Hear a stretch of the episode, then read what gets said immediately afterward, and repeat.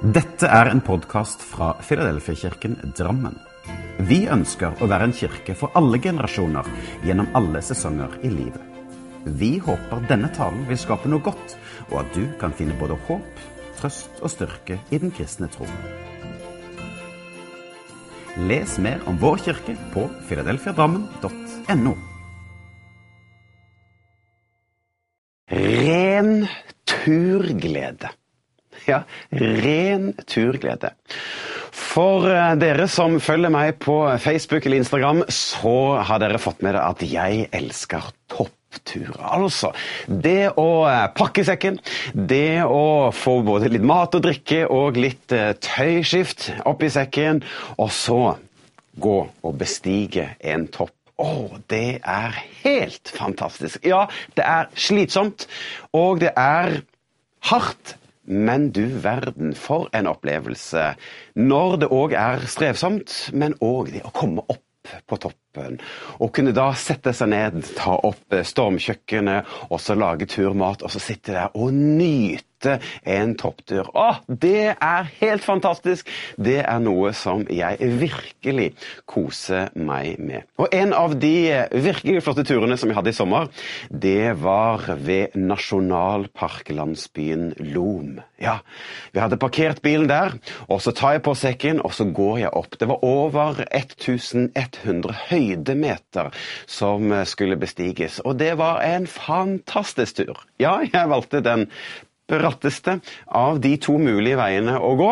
Og eh, noen ganger så var det veldig slitsomt. Når det hadde gått kanskje flere opptil 700 høydemeter, og da på det bratteste, da måtte jeg ta flere pust i bakken, for det var strevsomt. Men da er det slik at premien får du når du da kommer opp på toppen. Se på dette bildet her. Ah, helt fantastisk å få lov til å være på Lomseggen og se utover den flotte naturen. Kunne se bort mot eh, Glittertind og mot eh, Galdhøpiggen langt der borte. Men for en fantastisk tur. Den norske turistforening de har satt opp en rekke markører rundt om i naturen. Ja, du kjenner disse her. Rød tene som du finner rundt om i naturen. Som er satt der for å markere hvor da du skal gå, nettopp for å ikke gå deg vill. Da jeg gikk opp på Lomseggen, så kom jeg til et sted. Se på dette bildet her. Og Her ser du også tauet som da går rett opp. Men skiltet, det sier at du skal ta til høyre. Og jeg sto der i noen få sekunder og tenkte ja, men hva skal jeg gjøre? Skal jeg ta den bratte og klyve tak i tauet og løpe opp der, eller skal jeg da gå til høyre? Jeg valgte å følge skiltet. Og jeg skjønte jo hvorfor. Fordi at hadde jeg gått rett fram, så var det både litt glatt og det var bratt, og kunne fort skli. Men da jeg nå gikk til høyre, så så jeg fort at ja, men, dette var en veldig mye enklere vei. For det var bare rundt svingen og så opp, og så var du egentlig der du skulle. Så å følge disse markørene gjør at det blir en bedre tur. Og Bibelen gir òg slike markører, og det er det jeg har lyst til å løfte fram i dag. Altså disse røde t-ene. Og jeg har lyst til og gi deg fire eh, T-er. Og alle har da startet med T, denne setningen, for at neste gang du er ute og ser en slik T, kanskje du kan huske noe av det jeg har sagt her i dag. Og den første er tro at du er elsket. Ja. Det er viktig at du og jeg tar med oss denne bibelske sannheten. At vi har en far i himmelen som elsker oss. Og jeg tror at han elsker oss med en uendelig stor kjærlighet. Noen kan tenke at Gud han er en fjern Gud som sitter langt der borte, ikke bryr seg, verken hører eller ser eller er opptatt av oss. Andre kan tenke at ja, men Gud skapte verden, og etter det så så blir han en fjern Gud som ikke er interessert i hvordan vi mennesker har det, men jeg tror at Gud er en aktiv og en personlig, kjærlig far som ønsker et fellesskap, ønsker en relasjon, et vennskap med oss. For han elsker oss, og han vil oss det beste. Og jeg ser ofte til denne historien om den bortkomne sønn, som velger å gå bort fra sin far, men kommer da tilbake. Han angrer på det han har gjort, og vender tilbake hjem. Og da blir han møtt av en far som kommer løpende imot ham med åpne armer og kaster seg rundt halsen. For denne pappaen, han elsker sin sønn. Og slik er det med Gud i himmelen. Han elsker oss så høyt at han gav sin sønn til oss.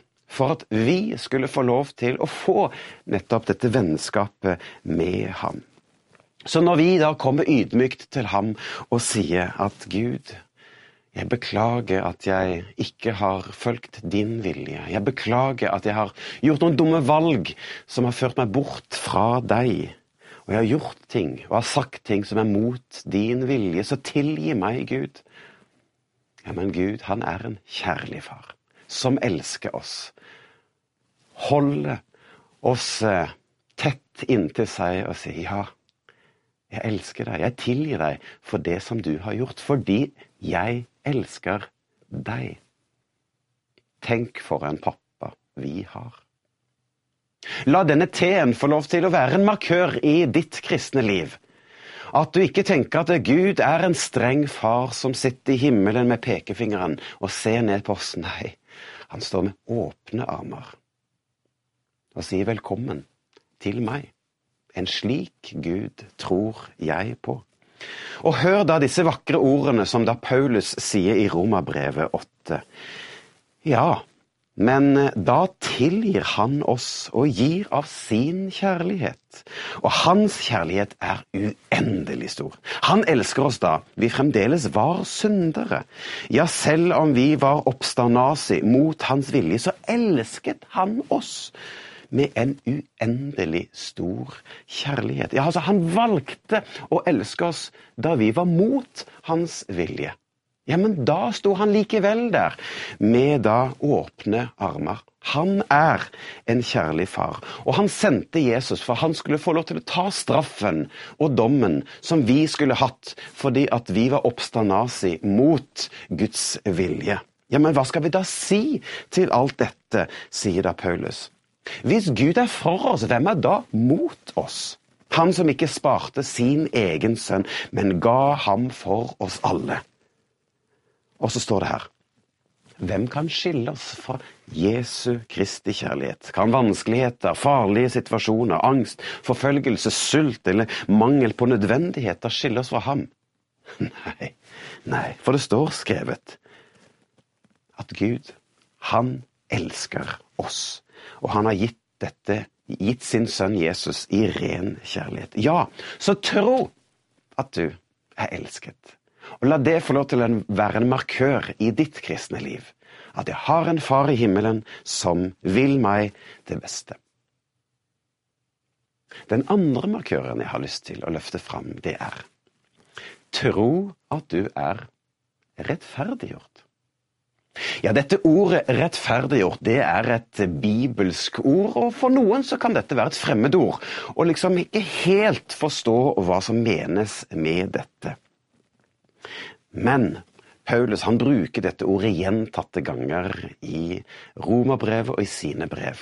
For han ønsker å få fram et viktig poeng. At Gud han har rettferdiggjort oss når vi tror på ham. Det betyr at vi er satt i en ny stilling. Ja, fra mørke til lys. Eller vi kan ta bilde ifra en rettssal, hvor den skyldige som er dømt, han er en skyldig forbryter. Men da kommer Jesus og tar straffen for oss, og gjør slik at vi blir satt fri. Vi får en ny stilling. Så derfor så trenger ikke vi komme helt der ydmykt og bare 'Å, hjelp, du store skaper i himmelen'. Nei. Gud, han står der fordi vi er frikjøpt av Jesus, og vi har fått en ny stilling. Vi er nå hans arving. Vi er Guds barn. Og da trenger ikke vi være små i møte med Han. Vi kan være frimodige fordi Han elsker oss, og Han har rettferdiggjort oss. Og denne stillingen det er ikke noe vi kan fortjene oss til. Det er ikke slik at det er eh, handlinger som vi gjør, eller gjerninger som vi gjør, som gjør at vi blir rettferdiggjort. Nei, det er bare troen alene som rettferdiggjør oss. Og Paulus han sier i Romerbrevet da vi altså er blitt rettferdige av tro, har vi fred med Gud ved vår Herre Jesus Kristus. Ved ham har vi også ved troen fått adgang til denne nåde vi står i. Og vi roser oss ved hjelp, ved håp om Guds herlighet. Ja, Paulus han sier at uh, frelsen, det er en gave. Noe som vi får ufortjent. Det er en gave til oss. Efeserbrevet. Slik er frelsen en gave fra Gud, gitt av bare nåde. Av denne ufortjente kjærligheten. Den har han gitt til oss. Så jeg tenker at en slik markør i livet, det at jeg er nå, på grunn av troen min, satt i en ny stilling foran Gud. Jeg er ikke den som er skyldig, men jeg er den som er frikjøpt. Og da kan jeg møte Gud på en helt annen måte enn å være da denne skyldige synderen men en tilgitt synder. Kjøpt fri av Jesus i ren kjærlighet. Den tre T-en som jeg har lyst til å si, det er tro at du er utfordret. Ja, for jeg tror at vi kristne òg er utfordra til å ta troen vår på alvor. Ja, vi skal leve i fellesskap og vennskap og relasjon med en Gud, men jeg tror òg dette begrepet som kommer i Bibelen som heter da helliggjørelse, at du og jeg blir utfordra til å bli mer lik Jesus. Så kristenlivet skal være en slags vandring der vi stadig blir mer og mer lik Jesus. At våre valg og våre verdier de blir heller gjennomstyret av Guds gode hensikt og vilje med våre liv. Paulus han sier det slik i Galaterne 2 at da Kristus ble korsfestet, ble han korsfestet for meg. Jeg er altså på en måte korsfestet sammen med ham. Så derfor så lever jeg, lever jeg lenger li, ikke livet for meg selv. Nå er det Kristus som skal få leve sitt liv gjennom meg. Ja, jeg lever ikke nå kun for meg selv, men jeg lever for en større hensikt. At det livet som jeg lever, det lever jeg i troen på Jesus. Han skal virke i meg og gjennom meg, slik at han kan få lov til å få lov til å bety noe i meg og rundt meg i det livet. Så at bønnen vår kan få lov til å være som Jesus lærer oss i Fader vår. Altså la din vilje skje. Men òg la din vilje skje i meg.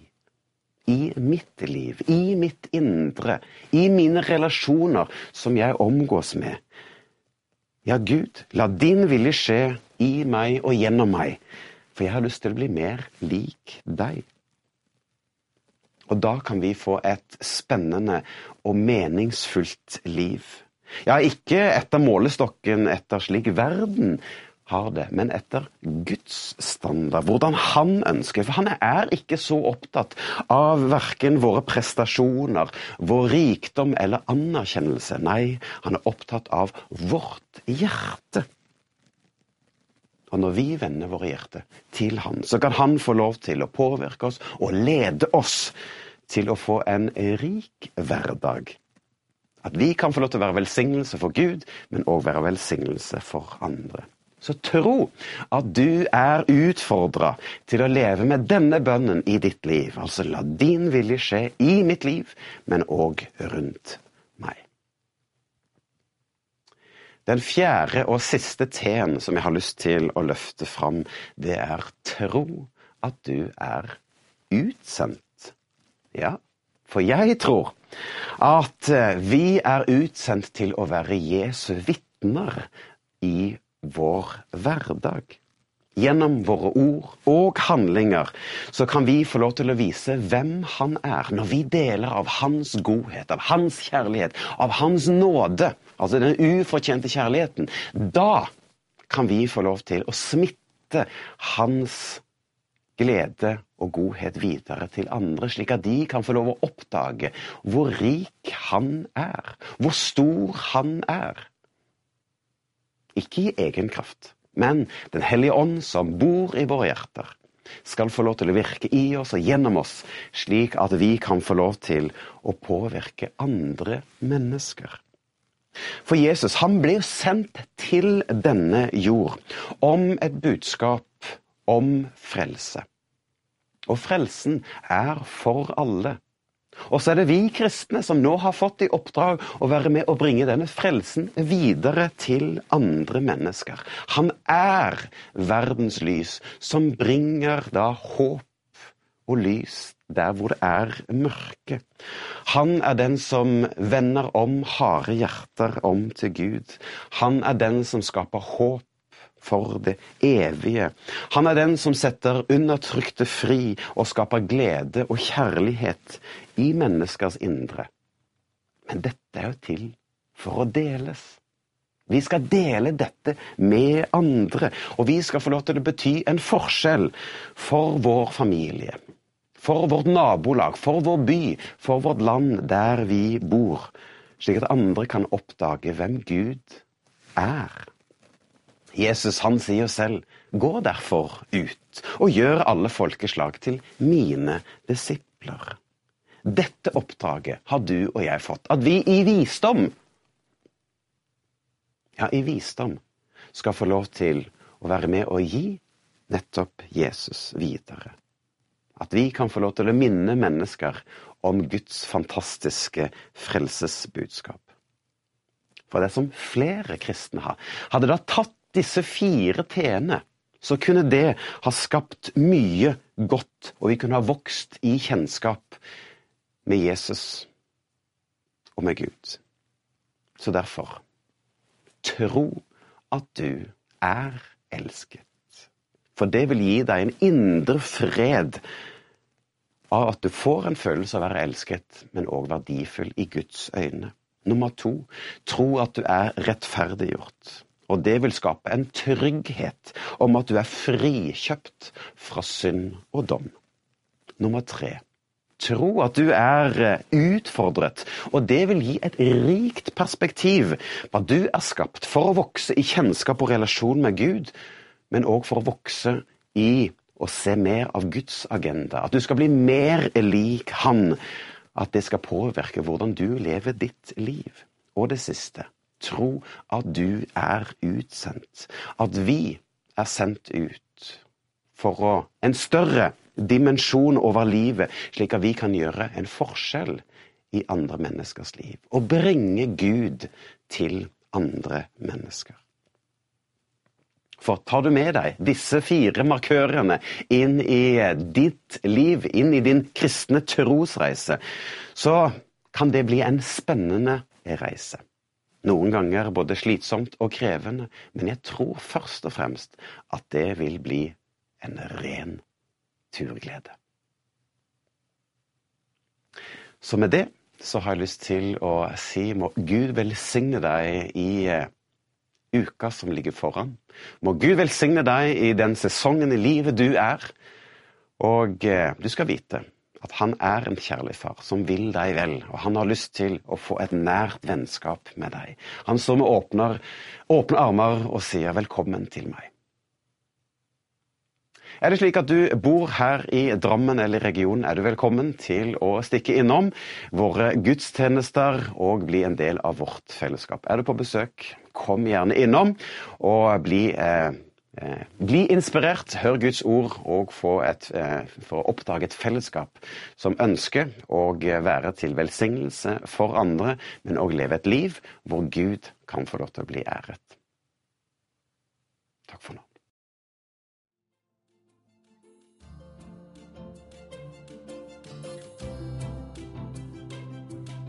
Som en avslutning på denne podkasten ønsker vi å lyse Herrens velsignelse over deg. Herren velsigne deg og bevare deg.